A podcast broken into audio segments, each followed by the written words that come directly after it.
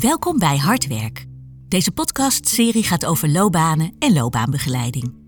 Speciaal voor het VNG-congres 2023 hebben we een serie van drie afleveringen opgenomen. We gaan in deze speciale serie in gesprek met Renate Richters, Gerard Kemkers en Frans en Sil Kuppens. Een aantal dingen die ik hoog in het vaandel heb staan is gewoon integriteit, maar ook openheid, eerlijkheid en snel handelen. Nee, hij is eigenlijk wel altijd zichzelf gebleven. Ik vond het wel ooit bloedirritant dat hij wethouder was. Ja, ja Want- dat bedoel ik ook een beetje eigenlijk. Ja. Ja.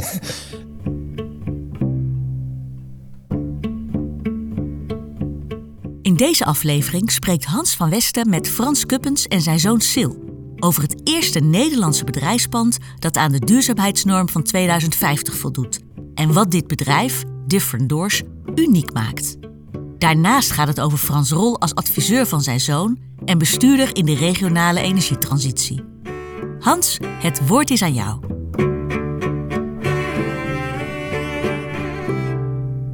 Dames en heren, welkom. Welkom bij een eh, nieuwe podcast van de serie Hardwerk, speciaal voor het VNG-congres. Heel bijzondere uitzending dit keer, want we praten met Sil en Frans Kuppens. Dus twee mensen in de podcast op een heel bijzondere locatie. Frans, waar zijn we? We zijn bij het nieuwe pand, het meest duurzame pand eh, op dit moment eh, van eh, Nederland, van eh, SIL, Ja, van Different Doors. ja. En eh Sil, wat, wat gebeurt er in dit pand?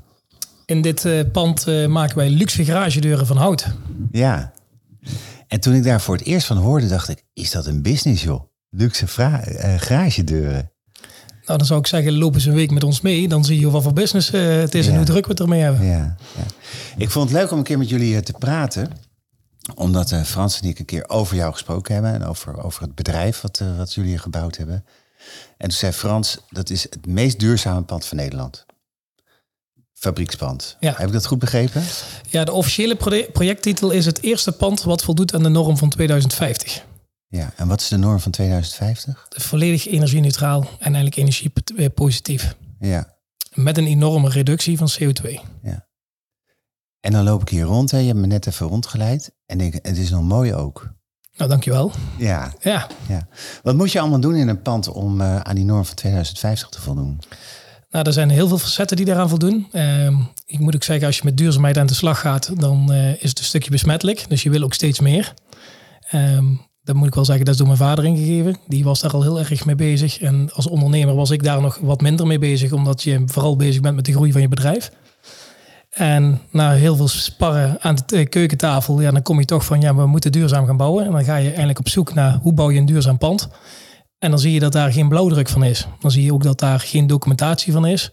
En dan zeg je wel, zie je wel dat heel de wereld het over duurzaamheid heeft. Maar je ziet nergens van, ja, hoe bouw ik nu een duurzaam pand? In welk jaar was het ongeveer? Eh, dat is vijf jaar geleden Ja. die idee, ideeën begonnen zijn. Ja. En ehm, toen zijn we ook gaan kijken van ja, als het niet voorhanden is, nou dan gaan we zelf die zoektocht aan. Hoe bouw je duurzaam? En daar hebben we echt wel een zoektocht van twee jaar van gemaakt om te kijken van hoe bouw je duurzaam? Omdat wij er ook achter kwamen toen we met diverse aannemers in gesprek gingen. Van ja, die zeggen wel dat ze duurzaam willen bouwen en dat staat wel op de website. Maar als je echt puntje bij paaltje komt en je wil duurzaam bouwen, dan gaan ze toch weer naar een traditionele systeem wat ze gewend zijn en waar ze meer mee verdienen, denk ik dan, en omdat ze dat voorschrijven. Waarom vond je het zo belangrijk, eh, Frans, dat duurzaam bouwen? Nou ja, ik denk als je nu een pand bouwt in deze tijd en je bouwt het niet duurzaam, wat is het dan over vier jaar, wat is het over vijf jaar, wat is het over tien jaar? En, en vooral ook, eh, je werkt heel veel jonge mensen, wat geef je mensen mee voor de toekomst? Het is hun toekomst uiteindelijk, hè? En, en, en dat draag je overal aan uit, dus ook aan het pand. Ja. Ja. Nu zat jij in het openbaar bestuur. Zeker. Ja. Had dat ook iets te maken met die duurzaamheidswens? Ja, ik, eh, ik heb altijd in het bedrijfsleven gewerkt. En de laatste jaren in het openbare bestuur, de laatste acht jaar. Eh, en dat is eigenlijk ingegeven dat ik echt iets wilde betekenen voor mijn eigen omgeving. Om eens te kijken welke stappen kon ik daar maken. En eh, daar ben ik inderdaad eerst lokaal mee begonnen in mijn portefeuille. En de tweede periode eh, heb ik me aangemeld als bestuurlijk trekker in de metropoolregio Eindhoven en 21 gemeenten. Om daar uh, naar een regionale energiestrategie te komen. En uh, nou, dat was mede ingegeven door de duurzaamheidsstappen die we hier al maakten. Metalot, een bedrijf wat hier in Kranendonk zit, een ontwikkeling die we samen met de universiteit en met Nierstar doen, hè, waar we een ijzerbrander maken. Ook super interessant. Dus ik was helemaal daarmee bezig en ik vond het, ik vond het super top uh, dat ik dat mocht gaan doen. Ja. En toen was het dus de kunst om het duurzaamheidsvirus ook bij SIL te implementeren. Ja. ja. ja. Wat vond je daarvan? In het begin vervelend. Ja. Want ik zei, pap, eh, dat kun jij wel zeggen vanuit jouw filosofie, maar ik ben ondernemer. Dan moet ook geld verdiend worden. Ja.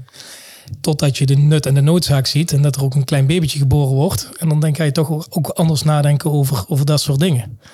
En dan zijn we altijd bezig met onze kernwaarden binnen ons bedrijf. Met, uh, met ja, hoe we dingen voor elkaar krijgen. En dan ga je kijken, ja, optimale beleving staat bij Different Doors overal centraal. En dan ga je een bedrijfsplan bouwen en dan denk je, hoe kom je tot een optimale beleving? En dan is de link naar duurzaamheid heel snel gelegd. Want je kunt wel een pand maken van marmer met gouden greepjes en alles erop en eraan. Maar ja, dat kan iedereen. Maar iets echt duurzaams neerzetten, iets betekenis. En als je aan, uh, betekenisvols. En als je aankomt en je ziet van, hey, hier hebben ze het gesnapt. Dat is wel net iets, even iets anders. En, en ja, dat is niet makkelijk. Die betekenis, hè? Uh, heb je daar ook woorden voor? Wat voor betekenis wil je hebben met dit pand voor de mensen die hier werken? Nou, ik wil dat iedereen zich hier op zijn gemak voelt en, en, en prettig voelt.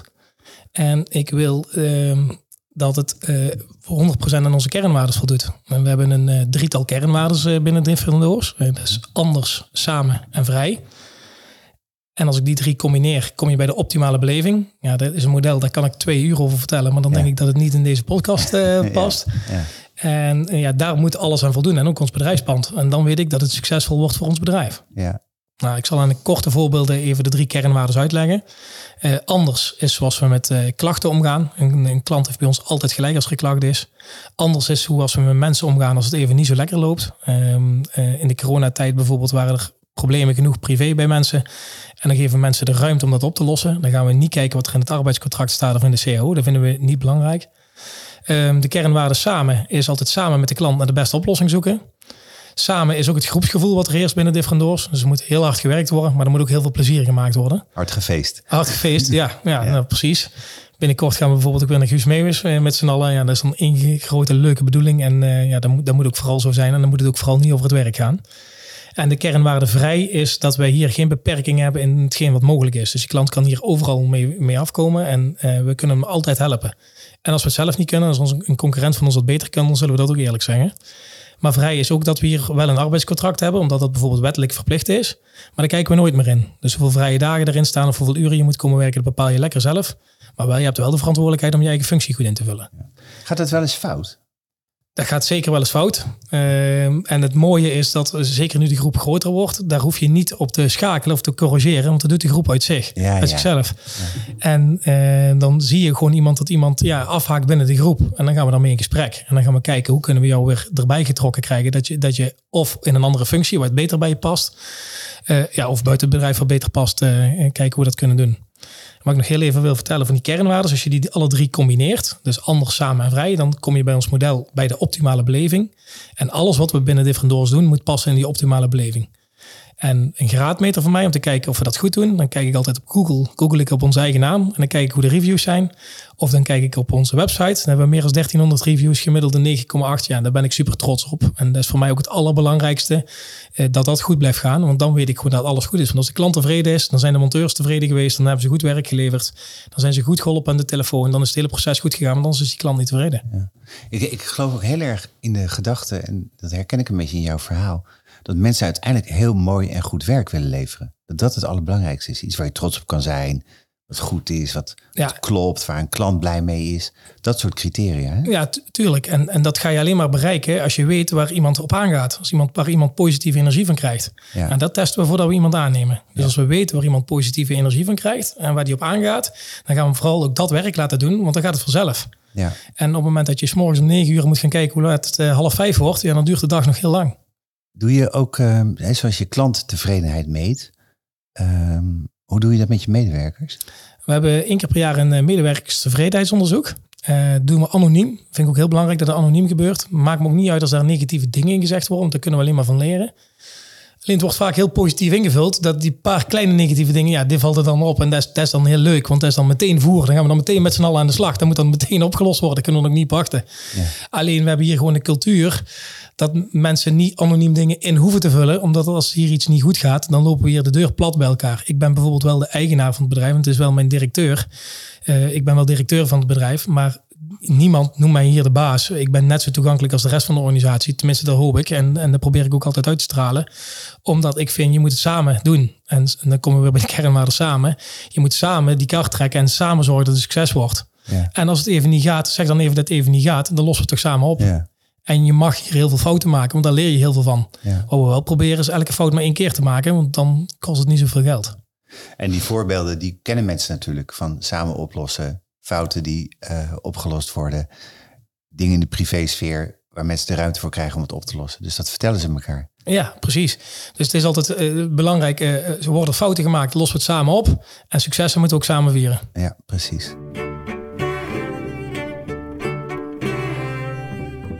En Frans, nu was jij wethouder hier in deze gemeente. Um, maar je bent natuurlijk vooral vader van Sil. Ja. Dat komt denk ik eerst. Ja, dat komt eerst. Ja, ja. Hoe, hoe uh, combineer je dat allemaal?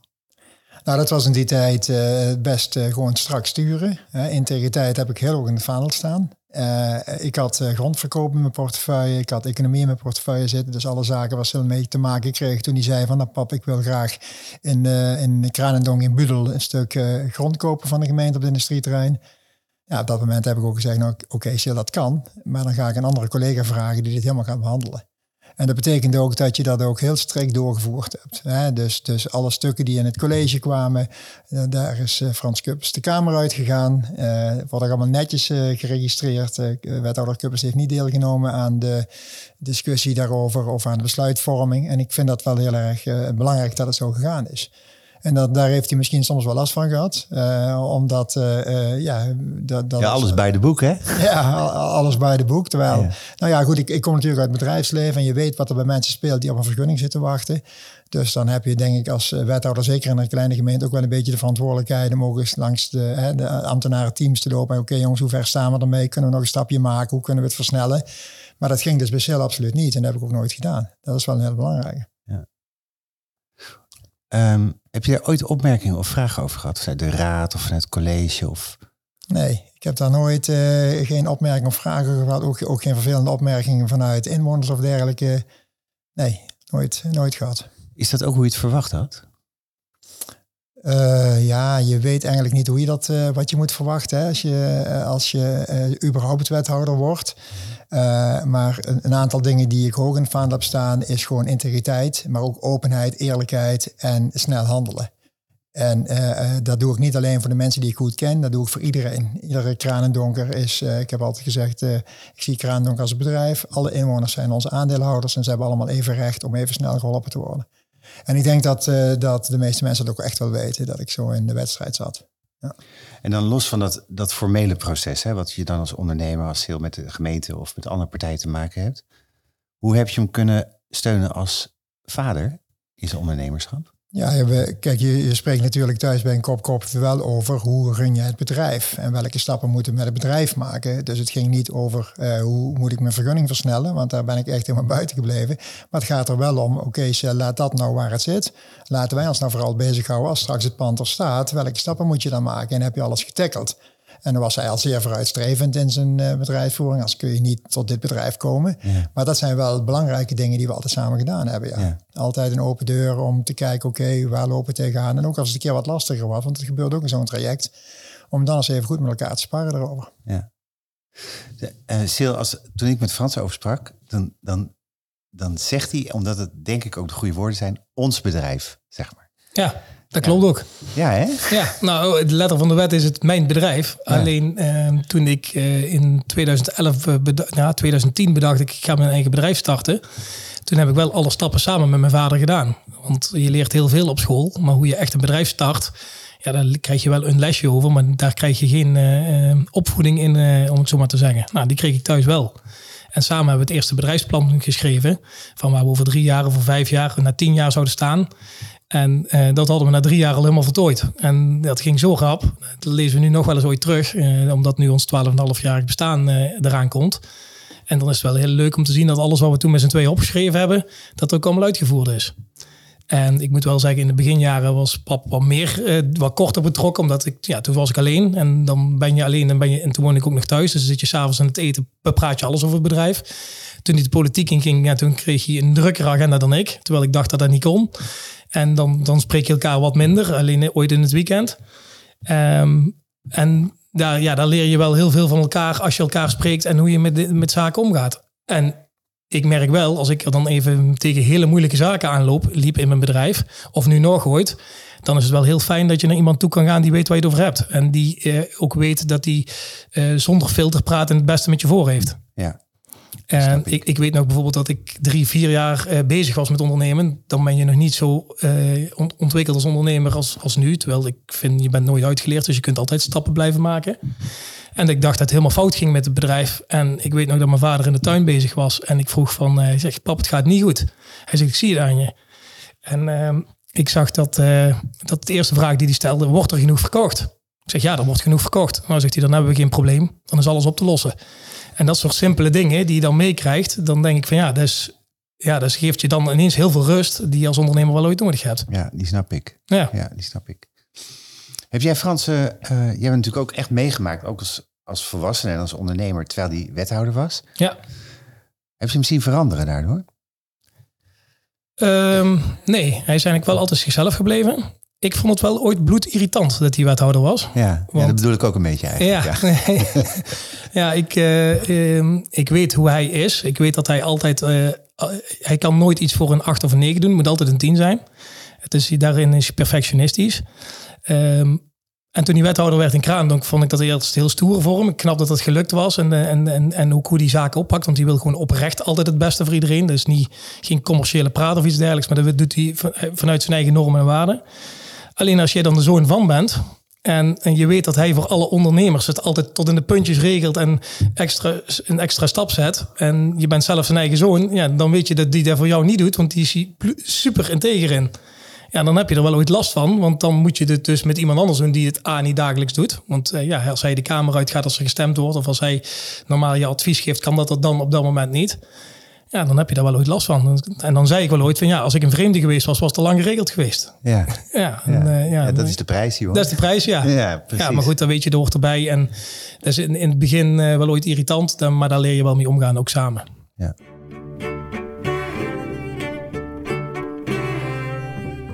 Dat duurzaamheidsstuk, hè? Ehm, ik kan me voorstellen dat hier mensen naar zitten te luisteren die zeggen van nou, ik zou ook wel dat soort slagen willen maken in de toekomst. Hè? Als ik iets nieuws moet bouwen of moet verbouwen of moet verbeteren, dan wil ik die weg op. Jullie hebben die weg afgelegd. Hè? En je vertelde net al even van nou, de eerste twee jaren zijn bezig geweest met plannen maken. En dan ontdek je eigenlijk dat je nog heel veel moet ontdekken. Ehm, wat zou jullie advies zijn aan mensen die zeggen we willen gaan verduurzamen in onze productie en in ons pand? Waar begin je? Wat ga je doen? Frans? Nou ja, eerst in beeld brengen hoe je het nu doet. Hoe doe je het nu op dit moment? En eh, waar, zitten je kritieke punten in je bedrijfsvoering? En maak een plan in stappen. Denk niet dat je alles in één keer moet doen. Eh, eh, doe het gewoon stap voor stap en pak er een onderdeel uit. En ga daarmee aan de slag. En als je dat klaar hebt, pak het volgende onderdeel. En probeer zo door te bouwen. Eh, want je moet je realiseren wat voor pand je ook hebt als ondernemer op dit moment. Geldt overigens ook voor, eh, voor normale woningen. Welk pand je ook hebt, als je geen stappen maakt, wordt het pand alleen maar minder waard. Dus het is niet zo dat je die investeringen voor niets doet. Hè. Het gaat straks gewoon dubbel optellen. Maar doe het in stappen. Dat is wel een heel belangrijk advies, denk ik. Sil? Nou, wat wij gedaan hebben, we zijn eerst gaan kijken, omdat er geen blauwdruk was, hoe bouw je een duurzaam pand, zijn wij eerst gaan kijken, wat is er al in Nederland? Dus ik ben eh, gaan, gewoon gaan googlen, was het duurzaamste hotel in eh, Nederland. Het eh, Jakarta Hotel was dat in Amsterdam. En toen heb ik daar een kamer geboekt samen met mijn vrouw. Mijn vrouw dacht ineens, wat, wat is je attent? En toen had ik ook een afspraak gemaakt met de algemeen directeur. En gewoon eens gekeken, waar liepen hun tegenaan? En daar ervaring uit opgedaan. En zo ben ik ook naar het duurzaamste huis gegaan van Nederland. Dat was een Hezen. Uh, die, die man ontving ons ook heel hartelijk. Die was heel ver met, met passief bouwen. En zo hebben we overal stappen gedaan. Thomas Rauw hebben we gesproken, de duurzaamheidsarchitect van, van Europa. Die zei ook, Sil, ga nou niet het duurzaamste bouwen, want morgen bouwt de buurman iets duurzamer. Zorg dat je ergens het eerste in bent. En als je het eerste bent, dan nemen ze die titel nooit meer af. Ja, precies. En zo zijn wij overal gaan praten. Uh, zo hebben we de TU erbij betrokken. Uh, de gemeente Kraan is projectpartner geworden. Uh, de installateur hier tegenover, CSB, is projectpartner geworden. Architectenbureau Zijn, ook een lokale architect, is, heeft het pand getekend. Zo hebben een consortium gemaakt. En zo hebben we samen het hele, ja, het hele plan ontwikkeld. Tot het ja, nu het eerste pand wordt voldoet in de norm van 2050. Ja. Zie je het ook terug in het productieproces wat jullie hebben? Ja, zeker. Uh, wij we willen zo min mogelijk afval hebben tussen de processtappen. We willen um, dat er ook prettig gewerkt wordt. We alle machines zijn vervangen door duurzame machines met een lage opname van, uh, van stroom. En we zijn ook aan het kijken naar een, een volledig recyclebare deur. Uh, onze afvalstromen scheiden we.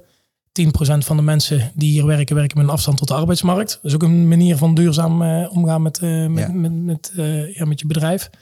En zo proberen we elke keer stappen te maken. En dat is het mooie van duurzaamheid. Het is nooit goed. Het is nooit klaar. Het kan altijd beter. En je kunt elke keer een stapje maken. Hoe kijk je naar loopbanen van mensen? Uh, ja, daar, daar, kijken wij op een bijzondere manier naar. Tenminste, dat merk ik. Want uh, iedereen die hier solliciteert en waar wij van denken, hey, die zou wel eens serieus op die functie kunnen passen, die vragen wij om een, eh, een, een arbeidspsycholoog een test te doen. En dan begin je schrikken van een psycholoog. En, maar dat, we lijken ook uit dat dat in het belang van een medewerker is. Want wij gaan puur en alleen kijken van ja, waar krijg je energie van en waar loop je helemaal op leeg. En waar je helemaal op leeg op loopt, dat mag je hier niet doen. Ook al niet hoort dat bij je functie, mag je dat hier niet doen, want dat gaat toch fout, vroeg of laat. En ergens waar je energie van krijgt, ja, daar proberen we helemaal mee vol te stoppen, want dan, dan gaat het vanzelf, krijg je bruistabletjes. En dat kan ook na een aantal jaren binnen een bedrijf kan dat veranderen, hè, waar je energie van krijgt en waar je helemaal op leeg loopt. En daarom doen we regelmatig eh, zo'n test opnieuw. En uh, ja, dan wordt door de medewerkers als zeer prettig ervaren. Ja. En daardoor zijn de medewerkers bezig met de dingen die ze leuk vinden, interessant vinden en waar ze energie van krijgen. Ja, en, dan krijg je nog voor betaald ook. Nou, dat vinden de meesten fantastisch. Gaat wel eens iemand weg? Ja, er gaat zeker wel eens ooit iemand weg. Maar op het moment dat het uh, niet meer past, hè, of wat we uh, nu het laatste jaar meegemaakt hebben. We zijn, ik ben ooit alleen begonnen. Uh, we zijn nu met 52 medewerkers. Nou, het bedrijf is niet meer het, het eenmanszaakje wat op de hoek zit. Ja, het is een groter professioneel bedrijf geworden. En daar veranderen dingen in. En de cultuur en de kernwaarden, die zijn heilig. Die, die, ja, die hebben we echt heilig verklaard. Alleen de professionaliseringsslag van het bedrijf ja, daar moeten wel mensen mee mee kunnen. En ooit vinden mensen dat lastig. En op het moment dat iemand daar niet meer bij past, dan zetten we die niet vandaag of morgen op straat. Dan gaan we daarmee in gesprek. Dan leggen we uit waarom dat niet meer past. En dan kijken we eerst of hij binnen een andere functie binnen het bedrijf past. Uh, en als het niet kan, dan proberen we hem van werk naar werk te begeleiden. Ja, precies. Hey Frans, heb jij um, zeg maar, je recente werkervaring. zijn er eigenlijk twee. Hè? Ik maak het even simpel. Dat is je bestuurswerk en eigenlijk het ondersteunen van Sil in het hele ontwikkelen van dit prachtige bedrijf. Um, jij gaat voor jezelf, je gaat de interimmarkt op. Um, heb je nou wat aan het ontwikkelen van het bedrijf als, als kennisgebied wat je hebt ontwikkeld ten behoeve van wat je in de toekomst wil gaan doen? Ja, zeker. Zeker. Hè? Uh, het sparren waar ik het net over had, wat we regelmatig doen, daar leer ik ook enorm veel van. Ja. want en, en daar zitten hier technieken in het gebouw die, eh, die je nergens anders ziet nog. En, en, en natuurlijk gaan uh, mensen, bedrijven, maar ook gemeentes die met de, uh, de regionale energiestrategie bezig zijn nu en de connectie moeten maken met bedrijven. Dat is best een lastig onderwerp op het gebied van duurzaamheid. iedereen heeft inderdaad duurzaamheid hoog in het vaandel staan, maar ga maar eens vragen, wat betekent dat dan voor jou? En hoe kunnen gemeentes, waterschappen, woningbouwcoöperaties, hoe kunnen die samen goed gekoppeld worden aan, aan bedrijven? Ja. Nou, en daar zit heel veel kennis die je hebt en die je kunt gebruiken om mensen op de goede weg te zetten. Ja, dat snap ik. Ja. ja. dat zou ook leuk zijn om dat te doen, denk ik. Ja, superleuk. Ja, precies. Ja, En, en het is ook, uh, je, wil uh, ook als bestuurder wil je altijd blijven ontwikkelen. Wil je stappen maken, wil je nieuwe dingen zien. Hè? Dus je, gaat, je zoekt ook, uh, van de week waren we bij het Energy Now Festival in Eindhoven. Ze ook een presentatie heeft gegeven. Nou, als je dan ziet, er zijn allemaal studenten in het Evaluon. Wat ze daar neergezet hadden, wat er aan nieuwe ontwikkelingen. En die, dat worden niet allemaal successen.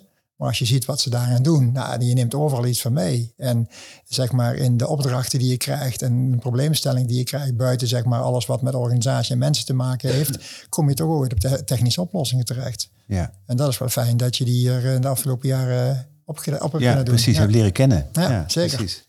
Oké. Eh, dan nu even over garagedeuren. ik zei net al even van, ik had even nooit stilgestaan bij garagedeuren kopen.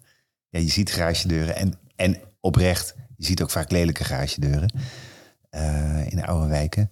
Waarom is dat voor jullie zo'n fascinerend product? Waarom zit daar zoveel passie in voor jullie? Nou, het, het, het is, het, is niet alleen het product. Wij kijken naar eh, het, totaalconcept. Eh, op het moment dat een klant contact zoekt met ons, dat is het eerste moment dat het goed moet gaan. Je krijgt maar één keer de kans voor een eerste indruk en dat is bij het eerste moment. Dus als je bij ons op de website een formulier invult of op Facebook of waar dan ook, dan moet je binnen 24 uur met iemand van ons gesproken hebben. En daar begint het eerste moment van de optimale beleving. Dan zijn die kernwaarden weer. Van wat is nu een optimale beleving als een klant in contact zoekt met een bedrijf. Dus als je gewoon meteen iemand aan te woord, eh, door iemand te woord gestaan wordt die ook nog kundig is. Ja.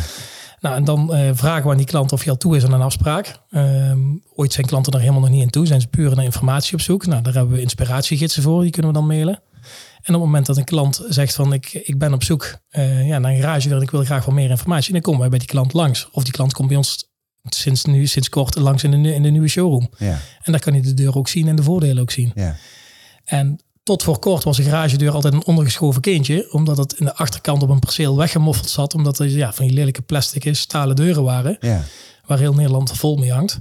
En daar, daarom tekende die architect hem ook zo ver mogelijk weg van, van de weg dat je hem niet zag. Nou, en tegenwoordig kunnen wij die garagedeur zo integreren in een gevel dat je het niet meer ziet. Ja, en dan heeft het een enorme meerwaarde voor een woning. Want dan kun je de auto die voor aan de straat komt ook meteen naar binnen rijden. Dan zit hij ook vast aan je woning. Ja, dan is het ook een stukje beleving tussen je visitekaartje als je s'avonds thuis komt. ja. Pas, ik zat er net ook nog te denken. Het past voor mijn gevoel ook een beetje in dat we meer aandacht aan tuinen en zo zijn gaan besteden. Als je kijkt naar voortuinen, die zien, zien er in heel veel streken zien er echt prachtig uit.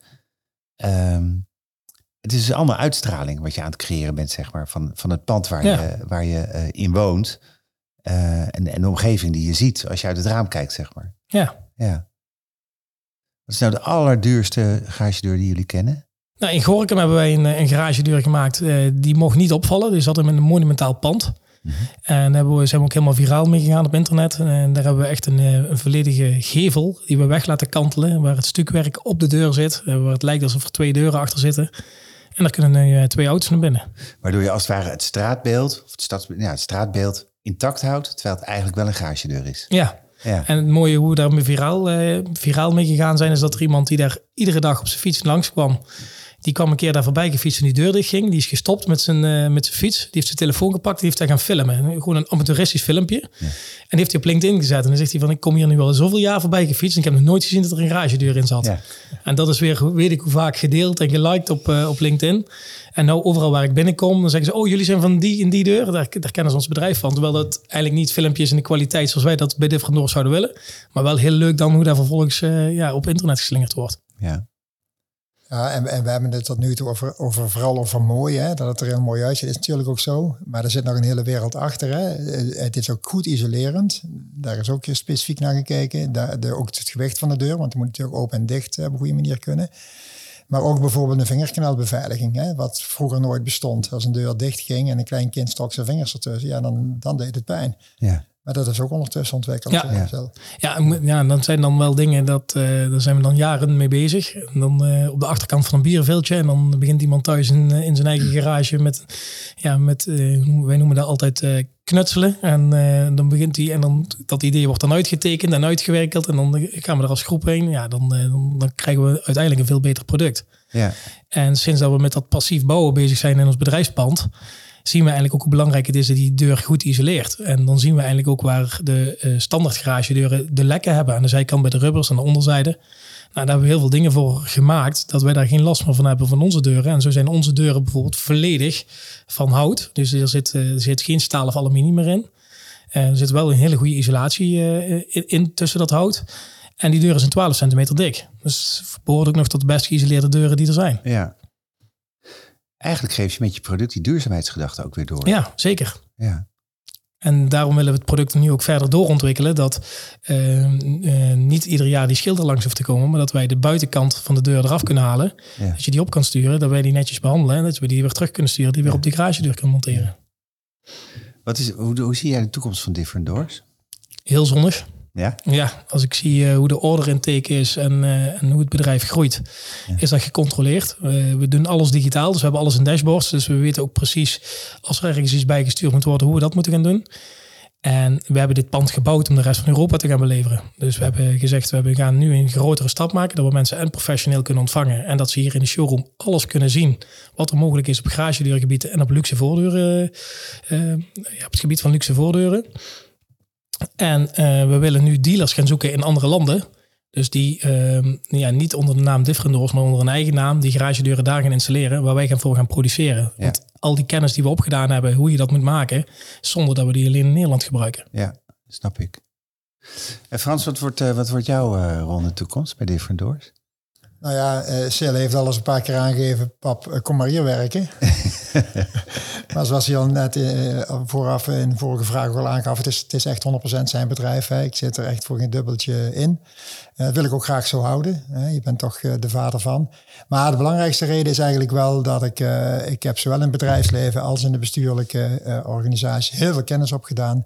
En ik vind het gewoon super zonde om die kennis verloren te laten gaan. Er zijn gewoon, uh, ik weet dat er gewoon heel veel gemeentes, waterschappen zijn die echt kennis kunnen gebruiken op dit gebied. En ik, ik wil graag die kennis delen, organisaties beter maken en daarmee uh, de boeren opgaan de komende jaren. En, ja. dat, en daar haal ik echt heel veel voldoening uit. Op een gegeven moment kom je op een punt dat financiën niet meer zo belangrijk is, maar dat je vooral nog van waarde wil zijn elke dag. En, en, daarvoor heb ik de keuze gemaakt om, om dat gaan te doen. En op de achtergrond blijft natuurlijk de vader van en zullen we best blijven sparen. Ja, precies.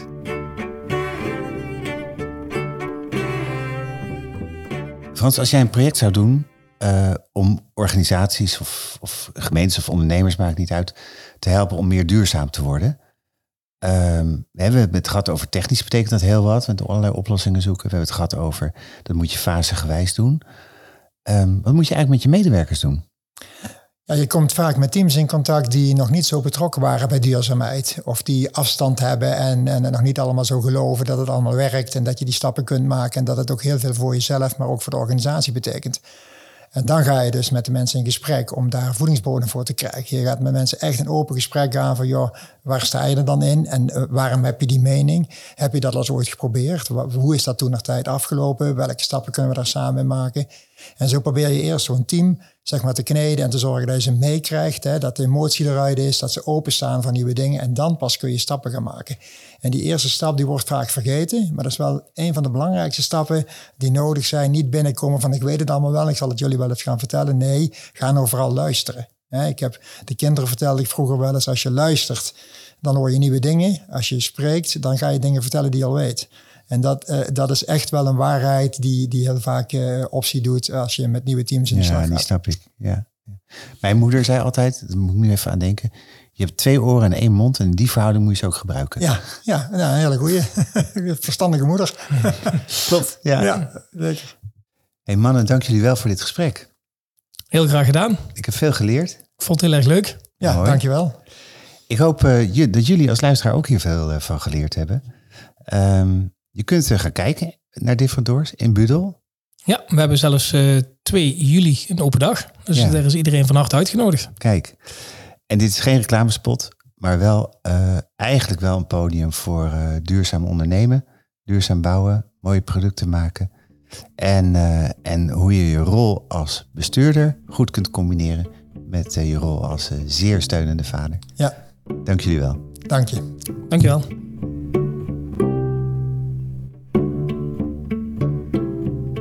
Dank je voor het luisteren naar deze speciale aflevering van Hardwerk. We nodigen je uit om ook onze andere twee exclusieve afleveringen te beluisteren. Speciaal opgenomen voor het VNG-congres. Als je vragen hebt naar aanleiding van deze uitzending, aarzel dan niet om contact met ons op te nemen. Als je van onze inhoud geniet en graag meer wilt horen, abonneer je dan op deze serie. We zien er naar uit je te verwelkomen bij onze volgende aflevering.